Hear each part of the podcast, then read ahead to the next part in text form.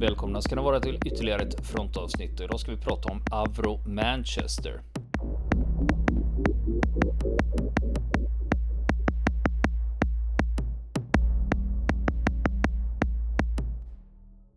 Och nu ska vi fortsätta prata om Avro Manchester.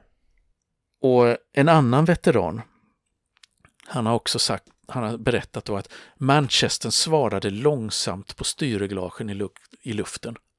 Den hade dålig stigningsförmåga eftersom Vulture-motorerna var för svaga och ineffektiva för ett så stort flygplan. Särskilt om det hade bomblast. Och operationshöjden över fiendens territorium var också mycket lägre än önskvärt. Och då tar vi lite, lite, lite motorteknik här, att alltså det som spökade i början då, det var ramlagren i motorn. Och vad är ramlager då? Och det är en slags glidlager är det. Då, man kan säga att de är ofta formade som en, eh, som en, eh, en halvcirkel och eh, lite bredare metalldelar då, de som håller fast vevaxeln på plats i motorblocket och låter den rotera. Och det var ofta de här som, som vek sig, plus då smörjningen då. Och toleranserna i motorn, att det var inget precisionsarbete direkt som Rolls-Royce hade åstadkommit. Att, eh, så att eh, det blev för mycket friktion i motorn. Det var för dålig smörjning. Det var för klena lager i motorn. Och allt det här var förödande för, eh, för driftsäkerheten. Och de här motorproblemen de höll i sig och vid två tillfällen under 1941, i både april och juni, så fick alla Manchesterplan bombplan i RAF flygförbud och man var tvungen att ta in föråldrade bombplanstyper som Hampton tillbaka i tjänst tillfälligt för att ersätta luckorna efter de här planen då som stod på marken medan man försökte lösa problemen. Och i augusti 41 så hoppades Rolls-Royce ha rättat till problemen med motorerna. Men krånglen med planen de bara fortsatte på andra sätt också. Akterpartiet fladdrade kraftigt och oförklarligt på en del eh, av planen. Hydrauliken krånglade och de ställbara propellerbladen krånglade också ibland eh, på, på, de här, eh, på den här typen. Då. Så redan i november 41 så stoppas produktionen av Manchester helt och hållet. Och, eh, men de är ju fortfarande i tjänst, de plan som eh, har levererats då, det är flera hundra. Så den 7 november 41 så eh, genomförde RAFs Bomber Command sin dittills största räd mot Berlin med 400 plan. Men bara 15 av dessa är Manchesters. Man vågade inte sätta in fler för en sån lång resa och det var för övrigt många som stod på marken för att de inte var, var eh, stridsdugliga och, och höll på att eh, repareras. Mm. Men var det liksom oförklarliga problem eller visste man liksom att men det här krånglar, det här ska vi åtgärda, det här krånglar, det här ska vi åtgärda? Ja, alltså det dök ju upp ovanpå varandra hela tiden, de här problemen och jag tror att i, i vissa av de här fallen så ersatte man fallerade delar med lika, reservdelar av lika dålig kvalitet. Och det är klart när du börjar se det, var ju en unik motortyp. Det fanns ju bara, och det innebär ju att reservdelarna är ju unika. Och i och med att du har börjat serietillverka typen, det är ju som man serietillverkar en, då, eh, en bil med då, uh, usla bilar, att du fortplantar ju problemet uh, oerhört mycket till väldigt många, väldigt många bilar så det blir ju ett, blir ju ett enormt problem att lösa eh, ganska snabbt i det här då och eh, sam, du måste hitta lösningar på det samtidigt som de här planen används. Eh, och felsöka hela tiden och det är, ju, det är ju människors liv som står på spel i det här så pressen var ju enorm på konstruktörerna. Och, det var ju, och de fick ju liksom prova sig fram för att hitta hur ska vi få det här att fungera och de kom aldrig man, man lyckades inte lösa det här. De här Vulture-motorerna skrotade man till slut. Man kom inte vidare med dem utan eh, man satsade på andra typer istället. Eh, på Rolls-Royce. Men när det gällde Avro Manchester, eh, där var det inte frågan om att ersätta motorerna med några andra utan man höll sig till Vulture. Vi kommer dit sen här. Den sista räden som, en, eh, som Manchester bombplan deltog i, det var den 25 juni 1942. Och det var en räd, bombräd mot Bremen, nordvästra Tyskland. Och sen var det färdigt, sen ställdes de på marken och eh, skrotades och ersattes med andra flygplanstyper. Men bara några veckor före det sista uppdraget för flygplanstypen då satt en den brittiske bombpiloten Leslie Manser bakom spakarna på sitt plan. För sista gången. Och det var ett uppdrag som skulle rendera honom Victoriakorset postumt. Den enda piloten på en, eh, en Manchester som fick Victoriakorset. Och eh, Leslie Manser, han var 17 år bara när andra världskriget bröt ut. Han var född i New Delhi i Indien. Eh, där hans far som var engelsman var ingenjör. Men de hade flyttat hem till England på 30-talet och han hade gått på några privatskolor och så vidare. Och i augusti 41 så blir han antagen till Royal Air Force för att utbildas till pilot. Eh, och eh, nej förlåt, i augusti 1940 så blir han antagen till RAF, pilotutbildning, under slaget om Storbritannien. Och i maj 1941 så tar han examen som, ny, som pilot i Royal Air Force och han posteras då på 50th Squadron. En bombplansskvadron i, i, i Bomber Command som hade Handley Page Hampton bombplan och var baserad på en bas som heter Swinderby i Lincolnshire i mellersta England. Och eh, bara två dagar efter ankomsten till sitt förband så upplevde han sitt elddop som andre pilot på en Hampton och det var en, det var en bombräd mot Frankfurt am Main eh, i västra Tyskland. Och sen under de följande två månaderna så deltar han i flera bombräder till bland annat Berlin och Karlsruhe och Hamburg. Men det blev inte så många uppdrag i den vändan. För han har inte ens flugit tio uppdrag när han blir kommenderad tillbaka till sitt utbildningsförband som instruktör, där han själv hade genomgått pilotutbildningen. Så att han ska i sin tur efter eh, åtta uppdrag utbilda, vara med och utbilda nya piloter i RAF. Och där är han månad efter månad när kriget pågår. Och en halvår senare så gör han en kort vända i månadsskiftet mars-april då 42 som pilot på, i kanadensiska flygvapnet. Deras eh, 420th eh, Squadron, en, en bomb, eh, bombskvadron då i Royal Canadian Air Force då, som opererar från Skellingthorpe. Eh, en bas där man just då höll på att konvertera till Avro Manchester. Och han blir eh, där våren 42 pilot på en Manchester under ett handfull uppdrag i april och maj 42. Han är bland annat med och fäller flygblad över Paris. Och eh, maj 42 så befordras han också till Flying Officer. Och det är ungefär, motsvarar ungefär fänrik eller löjtnant eh, där kring den här tiden, då enligt det svenska systemet. Och eh, den 30 maj 1942 så deltar han i en gigantisk brittisk bombräd, Operation Millennium, mot staden Köln.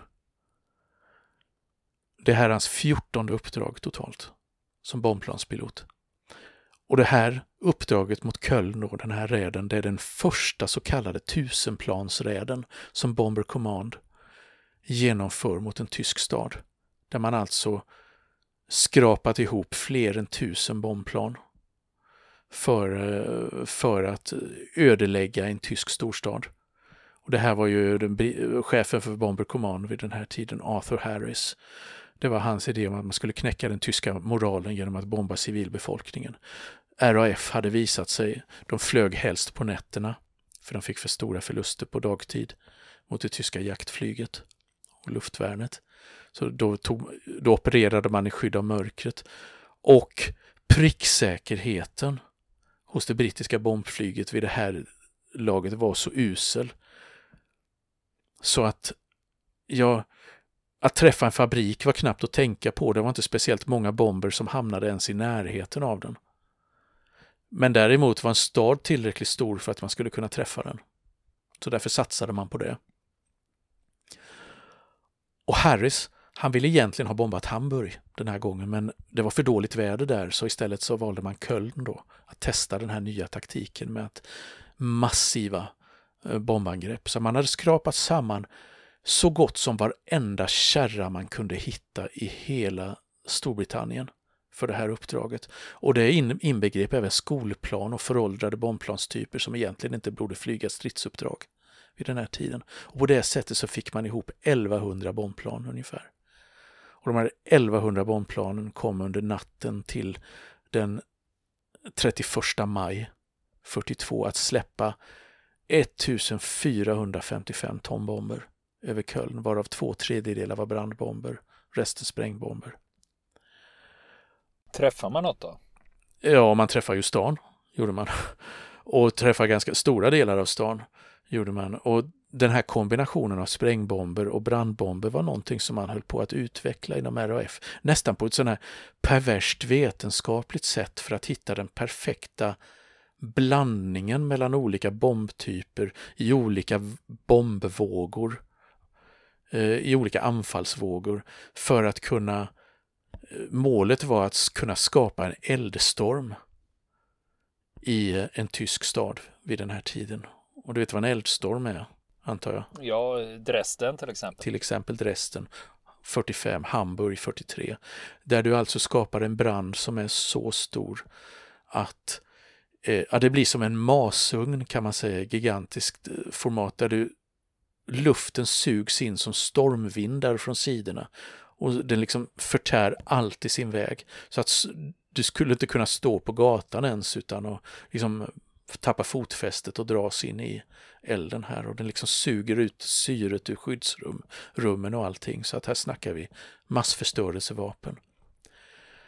Lyckligtvis för Kölns befolkning den gången så, så förhindrades en eldstorm från att bryta ut genom att brandkårens insatser plus att gatorna var väldigt breda i stan. Så att det kunde inte hoppa lika lätt från kvarter till kvarter. Ändå så förstördes 26 000 byggnader, eller förstördes eller skadades i Köln den natten.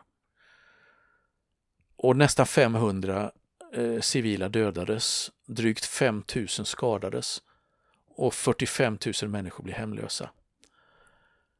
Och det här var ju den första stora, riktigt stor, den, den liksom chockade den tyska allmänheten. Det chockade Luftwaffe, det chockade Göring och Hitler. Att man kunde göra en sån här stor kompakt insats. Det här var ju betydligt större skala än Coventry, liksom ödeläggelsen av brittiska staden Coventry 1940. Um, ehm, alltså själva insatsen av flygplan vid det här. Och man ska komma ihåg också att det här var ju bara en försmak för Kölns del, för det var en av de mest bombade tyska städerna under andra världskriget eftersom den låg så långt västerut i Tyskland. Den bombades 262 gånger sammanlagt under kriget. Jag minns ju bilder eh, därifrån, bombade Köln, när man ser den här väldigt, eh, den här eh, spektakulära järnvägsbron som går framför katedralen. När den ligger liksom halvraserad nere i floden. Så det, det är några bilder som har ett intryck på mig. Ja, just det just det. Och i den här är den 45 av de här 1100-planen, det var Manchesterplan. Eh, 43 plan förlorade RAF i den här räden, vilket var eh, ungefär 4 procent av de insatta planen. Bombplanen totalt. Eh, och när det gäller just Manchesterplanen så var det flera av dem fick problem, tekniska problem redan på vägen till Köln. Så ett plan under en Fenrik Perry, Perry 49th Squadron. Det började vibrera så kraftigt och oförklarligt, började tappa höjd, att de tvingades nödlanda på en annan brittisk eh, bas innan de ens hade läm liksom lämnat de brittiska öarna. Och en Sergeant Weber från 50 Squadron, han fick fel på intercomsystemet i akterskytten och återvände hem för det. Och eh, en annan Sergeant Marchant från 83rd Squadron, han återvände hem när akterskyttens torn och hela intercomsystemet i hela planet upphörde att fungera. Och en Fenrik Hodgson får också 83rd Squadron. Han förlorade motorkraft och tvingades fälla bomblasten i förtid för att behålla kontrollen över planet och återvände till basen. Och löjtnant Raymond i 49th Squadron, han förlorade också motorkraft och tvingades släppa bomblasten över Nordsjön. Och sen har vi en Squadron Leader, alltså uh, Squadron Leader Price från 40, 408th Squadron. Hydrauliken ombord på planet havererade och han tvingades vända hem med hela bomblasten fortfarande ombord. Han kunde inte fälla den för, eftersom hydrauliken inte fungerade. Och det var ju kanske lite si och så att landa med en bomblast, det vill man ju helst undvika. Så 6 av 40, 45 Manchesterplan tvingades vända hem. 39 av dem kom fram till målet. Och ett av dem som kom fram, det var Leslie Mansers plan. Han var kapten, förste pilot på planet. Och eh, där börjar problemen. Redan på vägen dit så börjar motorerna överhettas. Men han beslutar sig för att fortsätta fram. Och över målet så har han, så blir hans plan fångat i det tyska luftvärnets sökarljus och överöst av en in, intensiv och välriktad eld. Och eh, jag har pratat med veteraner från det tyska luftvärnet och även civi, tyska civila som har upplevt bombräder och som har sett, eh, har varit ögonvittne till bombräder och eh, sett det tyska luftvärnet i aktion och hur eh, eh när ett fientligt bombplan när en strålkastare lyckades låsa på ett fientligt bombplan och följa det i flykten då var det oftast så att då kom nästa strålkastarbatteri en bit ifrån, ah, flygplan, och så låste de också på samma plan. Och så kom kanske ett, ett till. Och så gjorde detta samtidigt som, som eh, och följde det hela vägen så långt det gick samtidigt som luftvärnet sköt in sig på det här planet. Och oftast så betydde det den som fick eh, blev upplyst av strålkastarna, de var oftast riktigt illa ute var de. Och det var oftast, eh, ja, oddsen var dåliga att klara sig ifrån målområdet. Eh, I de fallen som man hade blivit låst på med, med strålkastarna. Och ändå så, han är kallblodig och håller ändå en stadig kurs så att bombfällaren ska kunna göra sitt jobb. Och det hör till saken att han flyger inte på föreskriven höjd för det här uppdraget som var 4000 meter. Utan han, flyger, han flyger in på, på bara 2100 meters höjd. Av någon oförklarlig anledning så har han bestämt sig för att flyga in på lägre höjd. Och eh, eh, än, än vad orderna och instruktionerna har, har eh, sagt. Vilket gör att det inte bara är det tunga luftvärnet som når honom utan även det lätta luftvärnet är inom räckvidd. Så planet får väldigt många träffar av 20 mm luftvärn. Och han gör häftiga undanmanövrar för att undkomma när han märker att man har låst på hans plan. Och under de här undanmanövrerna, när du, när du kränger och svänger hit och dit och du tappar i höjd, till slut så är han nere på bara 300 meter över Köln. Och vänder hemåt, söker ljusen och luftvärnet förföljer honom hela vägen ända tills han kan i stadens utkant försvinna in i mörkret igen. Och ombord på planet så är det kaos vid det laget. Akterskytten, Ben Naylor, han är sårad. Han har varit pepprad med splitter i axeln, ansiktet och tårna. Ropar på intercom att han är träffad. Och, eh, och eh, Skipper då, Manser, han svarar kärvt då, hang on bara. För han har ganska mycket att tänka på vid det läget. Typ att hålla kärran kvar i luften överhuvudtaget. För flygkabinen och resten av flygkroppen är full av rök vid det här laget. Barbords motor håller på att bli riktigt överhettad.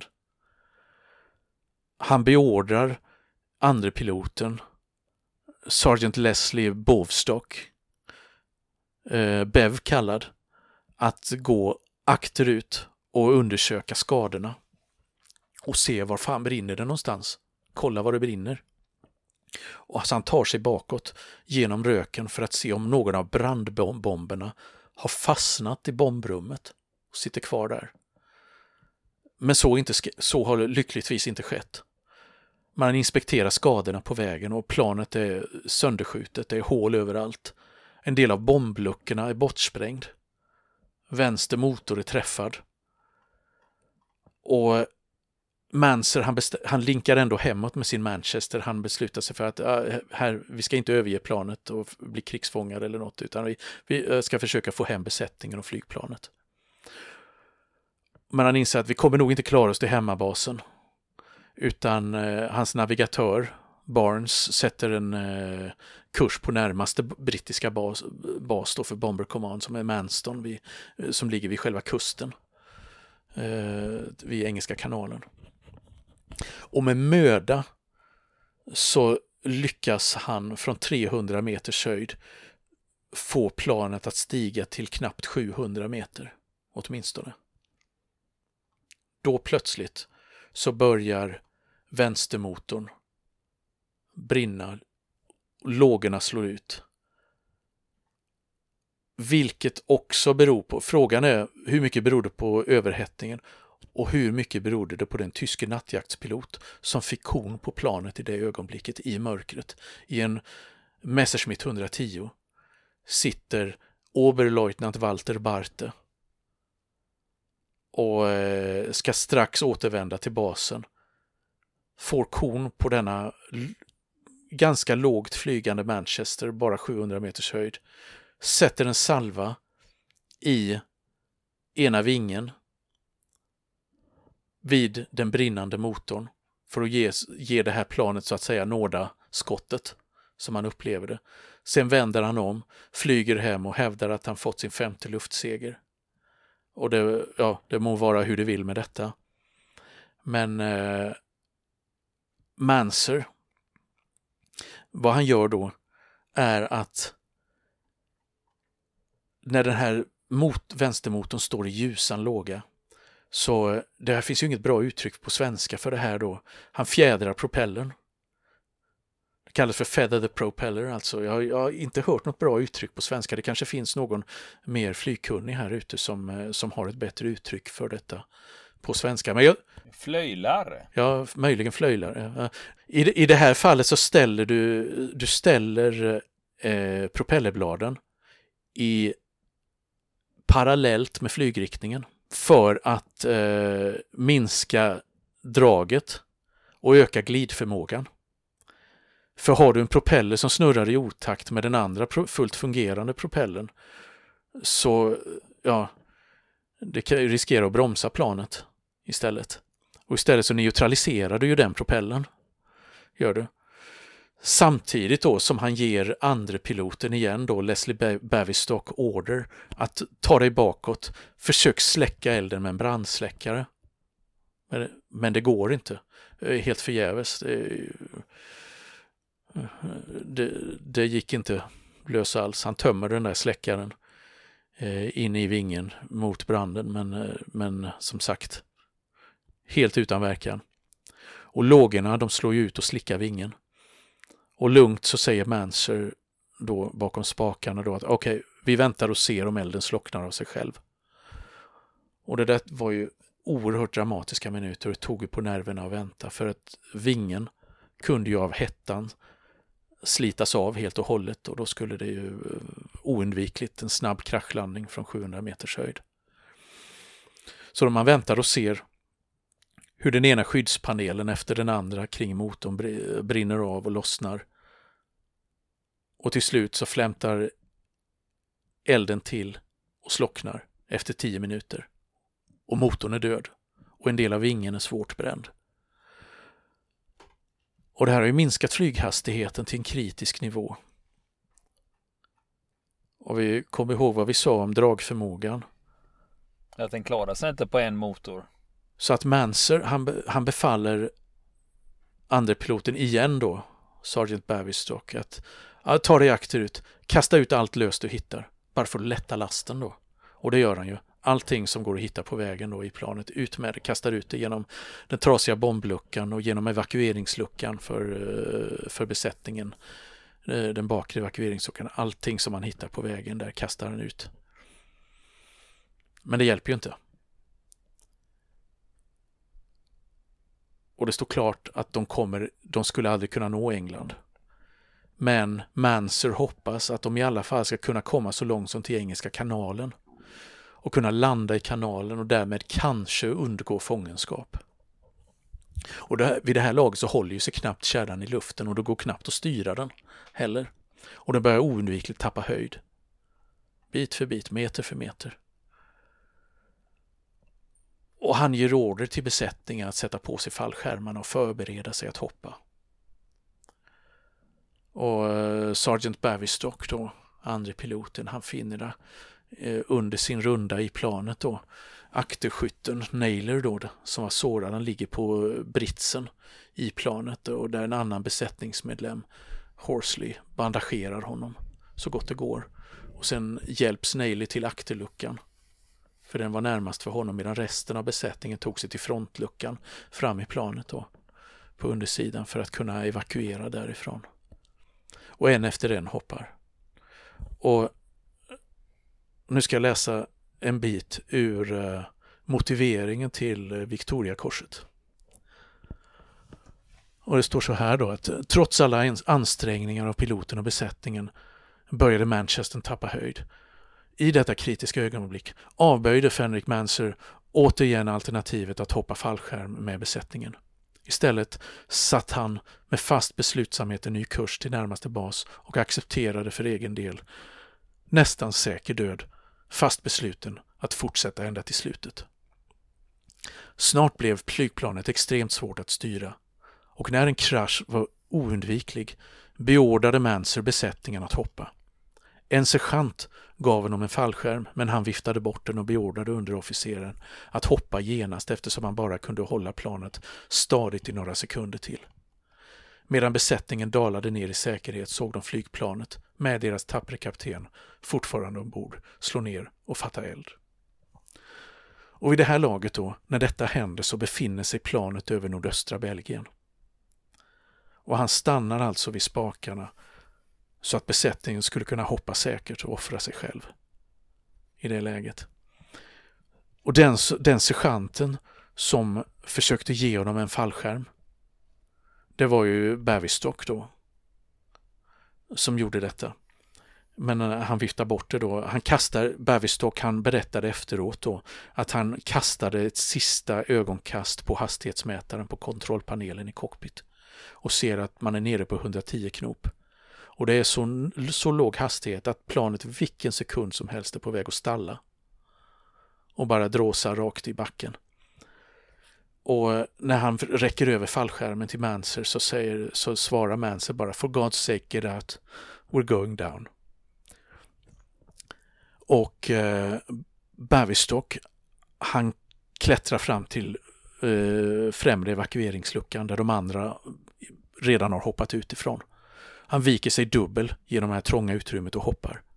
Och då, i det ögonblicket, befinner sig planet på bara 80-90 meters höjd. Och det är så låg höjd att fallskärmen inte hann utveckla sig ordentligt. Men han överlever. Det är ju kolmörkt ute.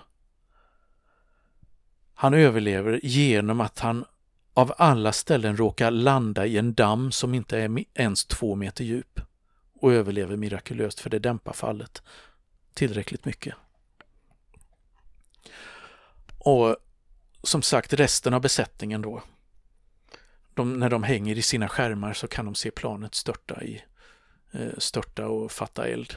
Och det visar sig att det har slagit ner vid en annan damm då i, vid en eh, liten belgisk ort som heter Bre i nordöstra Belgien då.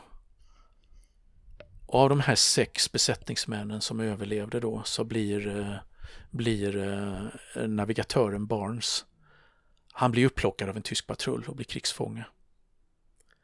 Men de fem andra besättningsmännen Bavistock, Fenric Horsley, Sergeant King, Sergeant Mills, Sergeant Naylor.